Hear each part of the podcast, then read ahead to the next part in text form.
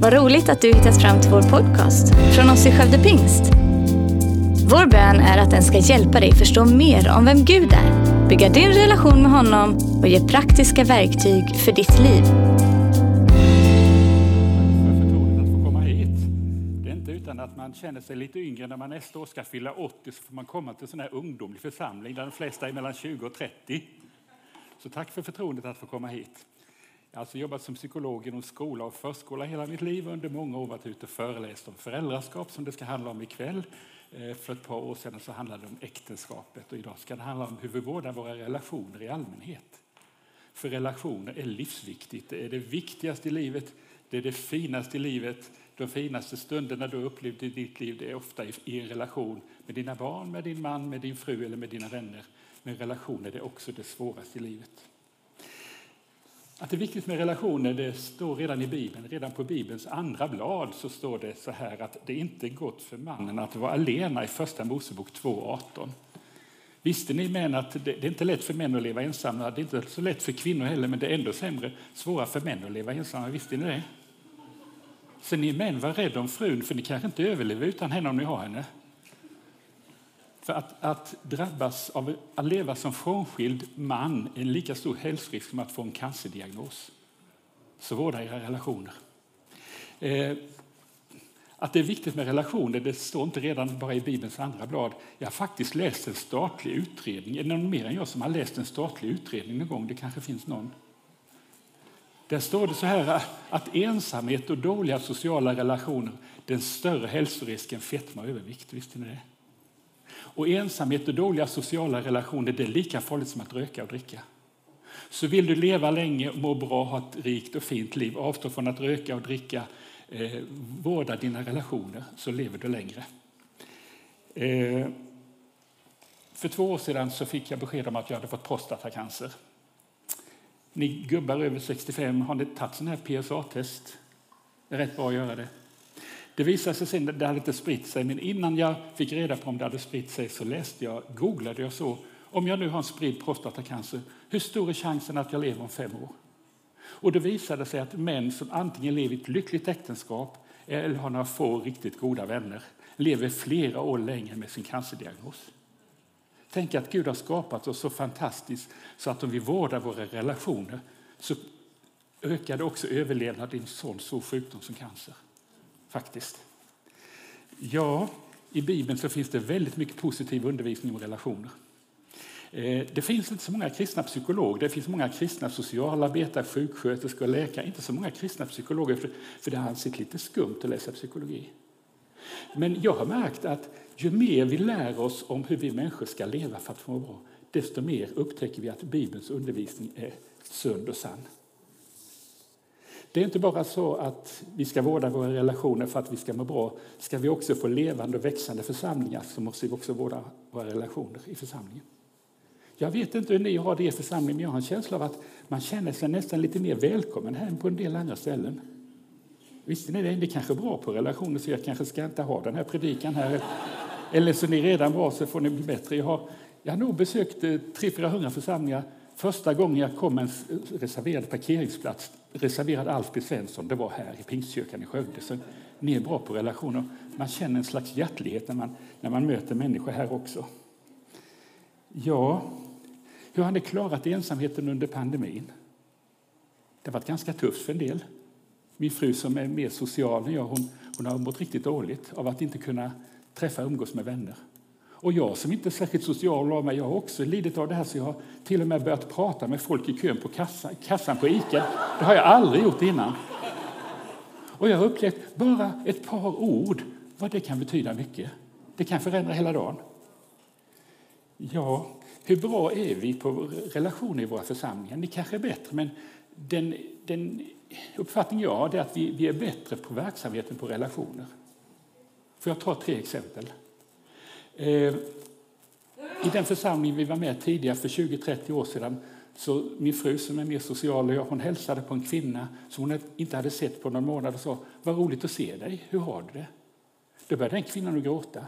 Och Kerstin undrade, har jag gjort bort mig? Vad är det? Varför är du ledsen? Jag har varit med i den här församlingen mellan 20 och 30 år. Det här är första gången någon har sagt till mig, vad roligt att se dig. När sa du senast till någon annan som du kanske inte har sett på länge, vad roligt att se dig? Det kan förändra den människans liv. Ja, vi är nyinflyttade i Eksjö. Vi är kvar i Missionskyrkan i Nässjö där vi tillhör, men jag har gått runt lite grann och man känner sig för lite grann. Och en församling jag kom till, när jag satte mig vid kyrkkaffet rent demonstrativt, så sätter jag mig, har jag satt mig precis ensam vid ett bord där ingen annan sitter. Så tänkte jag, nu ska jag som psykolog studera och se vad som händer.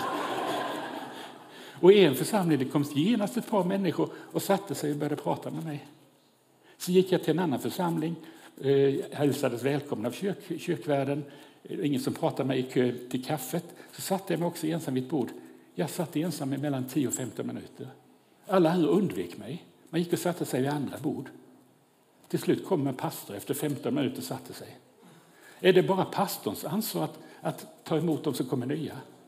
Det har vi allihopa.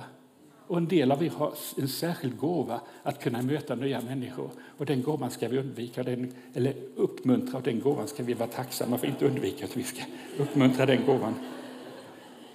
Ja,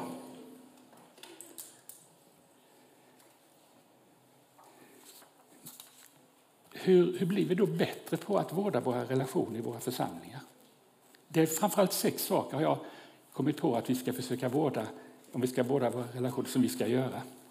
Det står i Romarbrevet, det tolfte kapitlet och vers 15.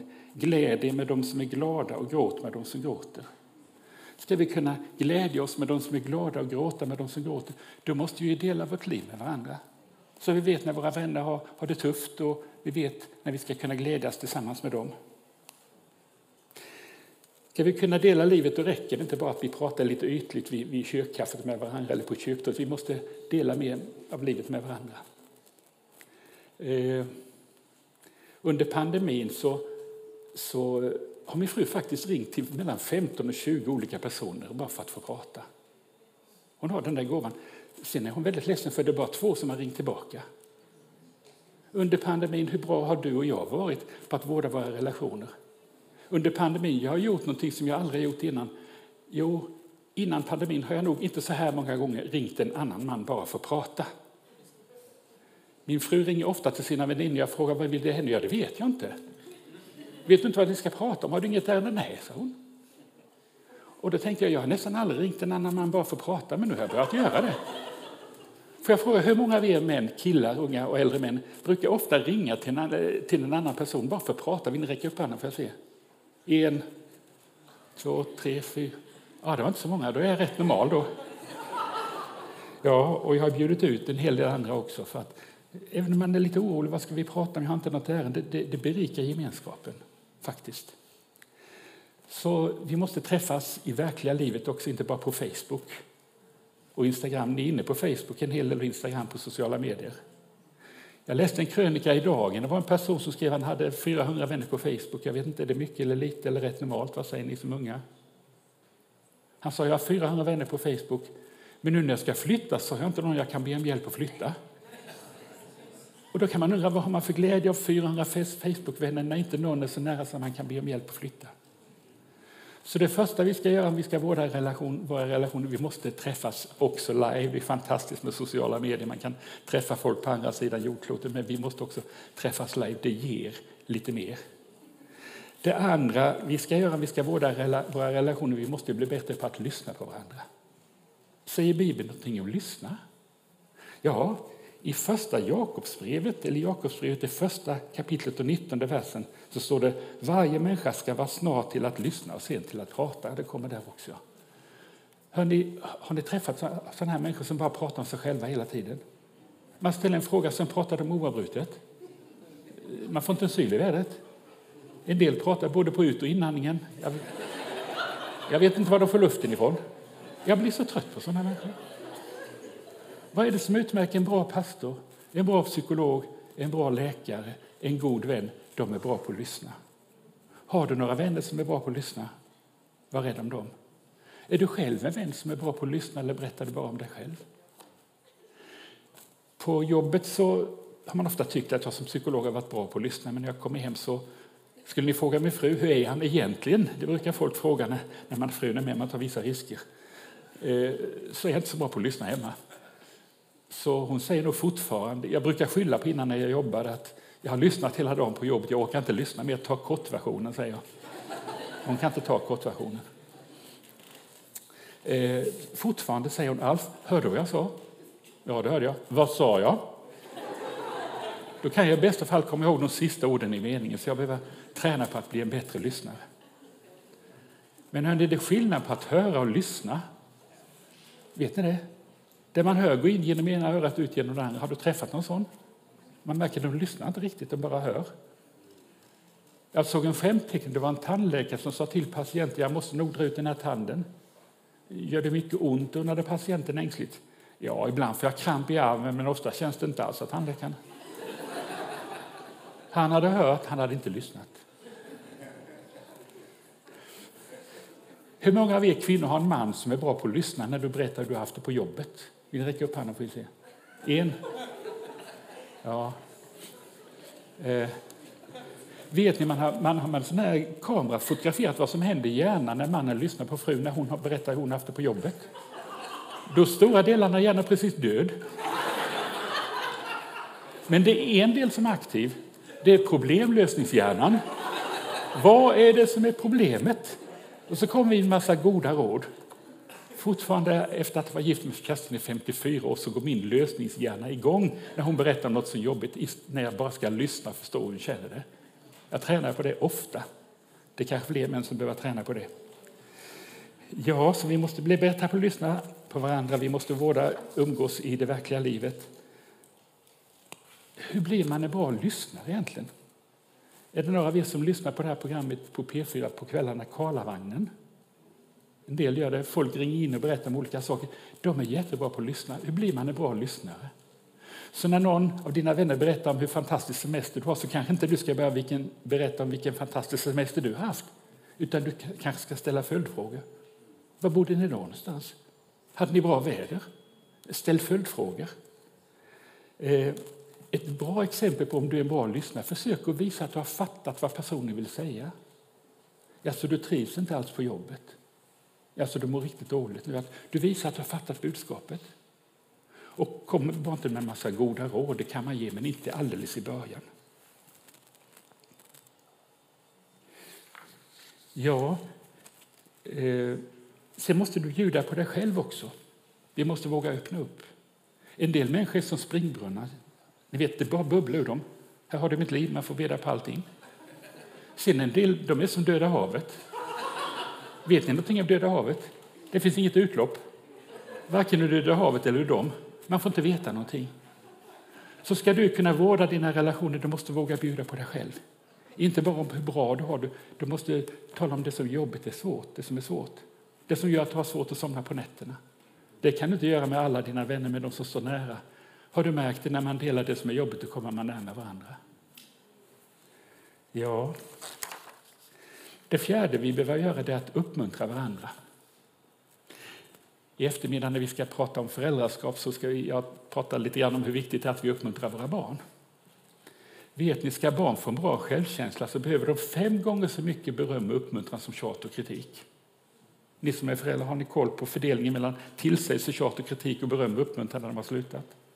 Det räcker inte med att de får lika mycket beröm och uppmuntran som tjat och tillsägelse. De behöver också fem gånger så mycket uppmuntran och kärlek som tjat och tillsägelse. Säger Bibeln någonting om uppmuntran? Ja, det säger det faktiskt. Romarbrevet 12 och 10. I en version står det, vi ska se vad som kommer upp här, överträffa varandra inbördes hedersbevisning. Eller tävla om att vara den som är bra på att uppmuntra. När uppmuntrade du dina vänner sist? När sa du tack för att du finns i mitt liv? Vad glad jag att jag har dig, du betyder, mer. du betyder mycket. Vi uppmuntrar mycket våra barn. När uppmuntrade du din man, din fru? När du sa tack för att jag har dig. Det betyder jättemycket. Det fördjupar relationen och stärker kärleken. Ja, jag kommer snart ut, om någon månad kommer jag ut med min tionde bok. Det är en bok som handlar om att man upptäcker sina gåvor och talanger, både de andliga gåvorna och de naturliga gåvorna. Eh, det är min tionde bok och de böcker jag skrivit har till min stora glädje ännu mer större förvåning sålts i mer än 100 000 exemplar. För 30 år sedan hade jag inte skrivit någonting officiellt. Jag skickade in en liten insändare till Evangelie Herold. Finns det några gamla pingsvänner som minns den tidningen? Det finns några, ja. Jag blev jätteglad när den kom in. Ändå gladare blev jag när en journalist ringde och sa kan du inte komma upp till Stockholm för vi skulle vilja att du skriver en hel artikelserie om föräldraskap. Den uppmuntran på fem minuter förändrar hela mitt liv. Utan den uppmuntran hade jag inte skrivit en enda bok. Utan den uppmuntran hade jag inte åkt land och rike runt och undervisat om relationer. Utan den uppmuntran hade jag inte stått här. Tänk vad det betyder mycket att du kan uppmuntra andra människor. Och en sak som jag har blivit bättre på de senaste åren, när jag träffar unga människor, jag försöker tala, uppmuntra dem, vilken gåva du har. För många människor är inte riktigt medvetna om vilka unika fantastiska gåvor Gud har gett dem faktiskt. Nu ska jag göra något lite ovanligt. Ni kanske inte är vana vid att ta en liten paus mitt i predikan, men nu gör en liten paus och så får ni under ett par minuter samtala med varandra om eh, hur bra är ni på, i den här församlingen på de här sakerna? Ni kanske är bättre än andra, jag vet inte. Hur bra är du på det här? Och vad är du bra på? Vad behöver du bli bättre på? Ni får ett par minuter på Ni kan prata ganska fritt, för ni behöver inte redovisa för Sandra vad ni har sagt. Så varsågoda. varsågoda. Vad härligt att se ett engagemang. Vi har världens bästa budskap i våra kyrkor. Vi måste se till att vi blir världsbäst på att kommunicera det så att det landar. Och det här att man får lyssna och reflektera, samtala lite grann med varandra, det gör att det fastnar mycket bättre. Har ni märkt, jag vet inte om det så när man kommer till kyrkan, får en kaffekopp i handen, då är hela predikan precis bortblåst. Vi lider av sån här informationsdiarré, snabbt in och snabbt ut, inget blir kvar. Det var alltså fyra saker vi ska göra för att vårda våra relationer, umgås i det verkliga livet, lyssna på varandra, eh, dela, vara öppen, bjud på dig själv och uppmuntra också varandra. Sen är det två saker till som är minst lika viktiga. Vi måste kunna reda ut konflikter. Jag vet inte, känner inte alls till den här församlingen, men i väldigt många församlingar är vi dåliga på att reda ut konflikter. Vi undviker konflikter, vi sopar problemen under mattan. Och därför blir de så ganska stora så att vi, vi snubblar och faller på dem. Det finns nog inga konfliktfria äktenskap, eller vad säger ni? Är det några av er där ni aldrig haft någon konflikt, där ni alltid tycker lika? I så fall vill jag gärna prata med er. Min fru och jag vi har haft en hel del konflikter, vi har det fortfarande, men vi är betydligt bättre på att reda ut det faktiskt. Vi har tränat i 54 år, vi är inte fullärda, men vi har blivit bättre. Hoppas ni har blivit bättre också. Det finns inte heller några konfliktfria församlingar. Eh, när man läser, när man, jag har en del samarbete med tidningen Dagen och vet ni vad som väcker den allra största debatten? Det är för eller emot lovsång. Och nu är det stora debatter i många församlingar och i olika samfund om hbtq-personer. Hur ska vi ställa oss till dem? Hur ska vi hantera de här frågorna på ett vettigt sätt och inte bara sopa problemen under mattan? Jag har lyssnat till kanske nästan tusen predikningar. Jag har nästan aldrig lyssnat till någon predikan om vad Bibeln säger om konflikthantering. Man skulle kunna tro, om man ser det i en del församlingar, att Jesus sa ta inte tag i några problem, sopa problemen under mattan, lägg locket på och var snälla, ta inte tag i några konflikter. Vi ska inte söka konflikter, men vi ska försöka reda ut dem när de har uppstått. Vad säger Jesus i Matteus 5 och 24? Det står ungefär så här, om någon kommer till altaret och ska lägga ner sin gåva och så kommer man på att din, framförallt att gå först och försona dig med din bror, kom sedan och bär fram din gåva. Alltså, vi hade ett kollekthåll här innan. Det är viktigt att vi ger till kyrkan och till de, de människor som behöver, men det är också viktigt att vi tar tag i våra konflikter. Alltså inte bara när du är sur eller irriterad på någon annan. Om, om din broder är sur på dig, då ska du ta initiativ och gå och försöka försona dig med din bror.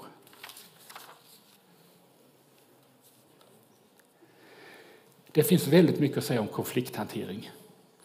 Eh, en sak som jag har lärt mig i vårt äktenskap, det tog några år fast jag var psykolog, när min fru kritiserade mig, då, då gav jag igen och sa, ska du säga hur är du då? Är det någon som känner igen det? Löser det några konflikter? Det skapar ännu större konflikter. Undvik också personangrepp. Undvik orden aldrig, alltid och jämt. Både när du har konflikt med dina barn, med din man eller med någon annan på jobbet eller i församlingen. Undvik orden aldrig, alltid och jämt. Du ska, det ska du alltid bli som du vill. Du bryr dig aldrig om vad jag tycker. Det är sådana generaliseringar som inte stämmer med verkligheten. Om jag ändå skulle citera något bibelord till eh, som är viktigt vid konflikthantering så sa Jesus Kommer ni ihåg liknelsen om bjälken och fli, man ser grandet, man ser flisan, du ser flisan i din broders öga men du ser inte bjälken i ditt eget. Förstår ni bilden?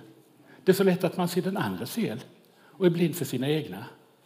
Och det jag har försökt bli lite bättre på nu efter 55 års äktenskap, det är att se flisan i mitt eget, eller bjälken i mitt eget öga och inte bara se felen hos den andra. Så när du har hamnat i konflikt, fundera på på vad sätt har du bidragit till att den här konflikten har uppstått? Och vad kan du göra för att ni ska kunna hantera den här konflikten? För det sjätte så måste vi kunna förlåta och be om förlåtelse. Är du bra på att förlåta? Är du bra på att be om förlåtelse?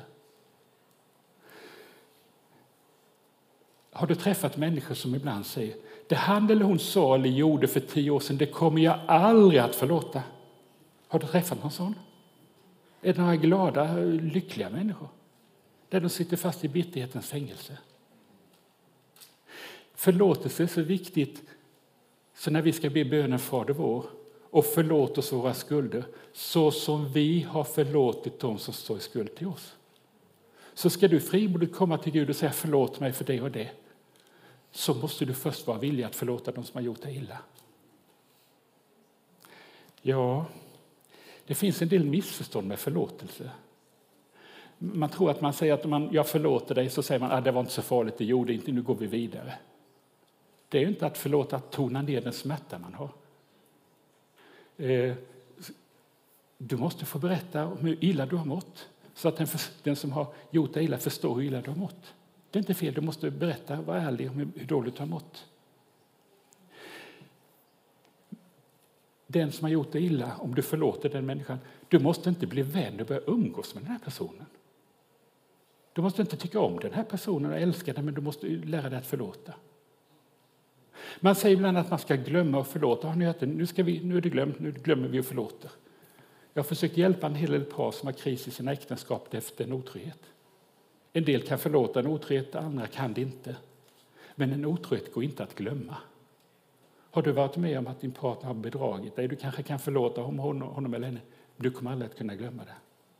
Såren kanske läker, men ärren finns kvar. Men det du kan göra är att bestämma dig för att inte dra upp det här varje gång ni hamnar i en konflikt och använda det som ett vapen mot din partner. En del tror att förlåtelse är en känslosak. Jag ska förlåta när jag inte är arg och hatisk och bitter längre. Då ska jag förlåta dig. Då får man vänta. Då får man vänta. En god vän till oss berättade att hon, eh, när hon var gift med en man för ett antal år sedan, han gjorde sexuella övergrepp på deras barn. Det blev en polisanmälan, han satt i fängelse i flera år. Hon hade nu gått i kanske 10, 15, 20 år och hatat och hatat honom. Nästan varje dag har det här hatet funnits inom henne. Hon har känt att han nästan förtärt henne inombords. Så hon bestämde sig för att jag måste kunna förlåta honom. Så ringde upp honom och sa, jag kommer alltid att hata det du har gjort. Men från och med nu ska jag försöka att inte längre hata dig. Att hata handlingen, men inte hata personen. Det var inte så här ett nu att hon kunde förlåta av hela hjärtat. Men då startade en process som gjorde att det kanske tog ett halvår eller ett år så kunde hon förlåta känslomässigt också. Men det började med ett viljemässigt beslut.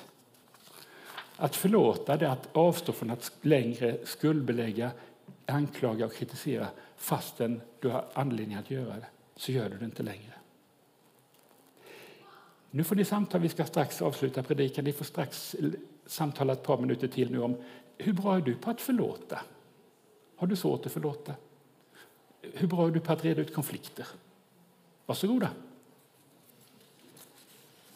Det var lite personligt, men vill du veta mer om relationer så jag tar med, med, med en bok som jag skrivit som heter Leva och älska livet ut utan att lusten tar slut. Där jag samlat 40 av mina bästa krönikor som jag haft i Dagen och debattartiklar i Aftonbladet och Svenska Dagbladet och Expressen, många av dem som har blivit väldigt spridda. Det handlar mycket om relationer till våra barn. Hur får, hur får man bra relation till sina barn? Hur får man ett lyckligt äktenskap? Hur vårdar man sina vänskapsrelationer? Den finns här ute. Många kvinnor brukar säga oh vad bra, den måste jag köpa för den behöver min man läsa. Men läs inte så mycket böcker om relationer, med den här läser de för inget kapitel är längre än tre sidor så han orkar garanterat igenom den. Sen såg jag också, det är väldigt mycket unga människor här och en bok som jag har skrivit som jag vill rekommendera alla er som är mellan 15 och 30 år. Eh, det är Hur hittar man någon att älska? Hur älskar man sen den man har hittat?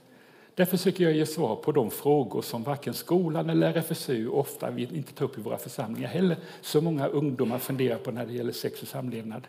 Hur blir jag attraktiv och omtyckt? Hur hittar jag den rätte? Vad viktigt för man ska passa ihop? Ska man gifta sig är det lika bra att vara sambo. Hur får man bra sex så att det är något som berikar livet så att det inte bara blir en massa själsliga sår? Och hur håller man kärleken levande? Så är du mellan 15 och 25 så har du en lättläst bok här som du kan skaffa dig. Eh, ja, det är härligt med spontana böner, men jag tänkte faktiskt att vi skulle avsluta med en bön som vi ska be tillsammans. Det är kanske inte är så vanligt här, men vi ska se om vi kan få fram det man kallar för Franciscus bön. Känner ni till den där Franciscus bön? Formulerades för väldigt länge sedan, annars ska jag försöka läsa den här om vi inte får fram den. Det kanske inte. Jag läser den här. Där ska vi se. Så vi ber den tillsammans av själ och hjärta. Herre, gör mig ett redskap för din frid. Hjälp mig att bringa kärlek där hatet gror tro där tvivlet råder, hopp där förtvivlan härskar. Hjälp mig att skänka förlåtelse där orätt begåtts, att skapa endräkt där oenighet söndrar, att sprida ljus där mörkret ruvar, att brinna glädje där sorgen bor. Mästare, hjälp mig att söka, inte så mycket att bli tröstad som att trösta, inte så mycket att bli förstådd som att förstå, inte så mycket att bli älskad som att älska. Ty det är att ge som vi får ta emot genom att förlåta som vi får förlåtelse, genom att mista vårt liv som vi vinner det. Det är genom döden som vi uppstår till det eviga livet. Amen. Tack för att du lyssnat. Dela gärna podden med dina vänner och glöm inte att prenumerera så du inte missar nästa predikan. Om du har några frågor eller vill att vi ska be eller tacka för något tillsammans med dig så får du gärna höra av dig till kyrkan skövdepingst.se. För oss är veckans höjdpunkt söndagens gudstjänst och det vore så kul att träffa dig där. Våra team finns då redo att ta emot dig och det finns även egna samlingar för barnen. Du hittar mer information om oss, vilka vi är och våra olika mötesplatser på skövdepingst.se. Gud välsigne dig och ha en fortsatt bra vecka.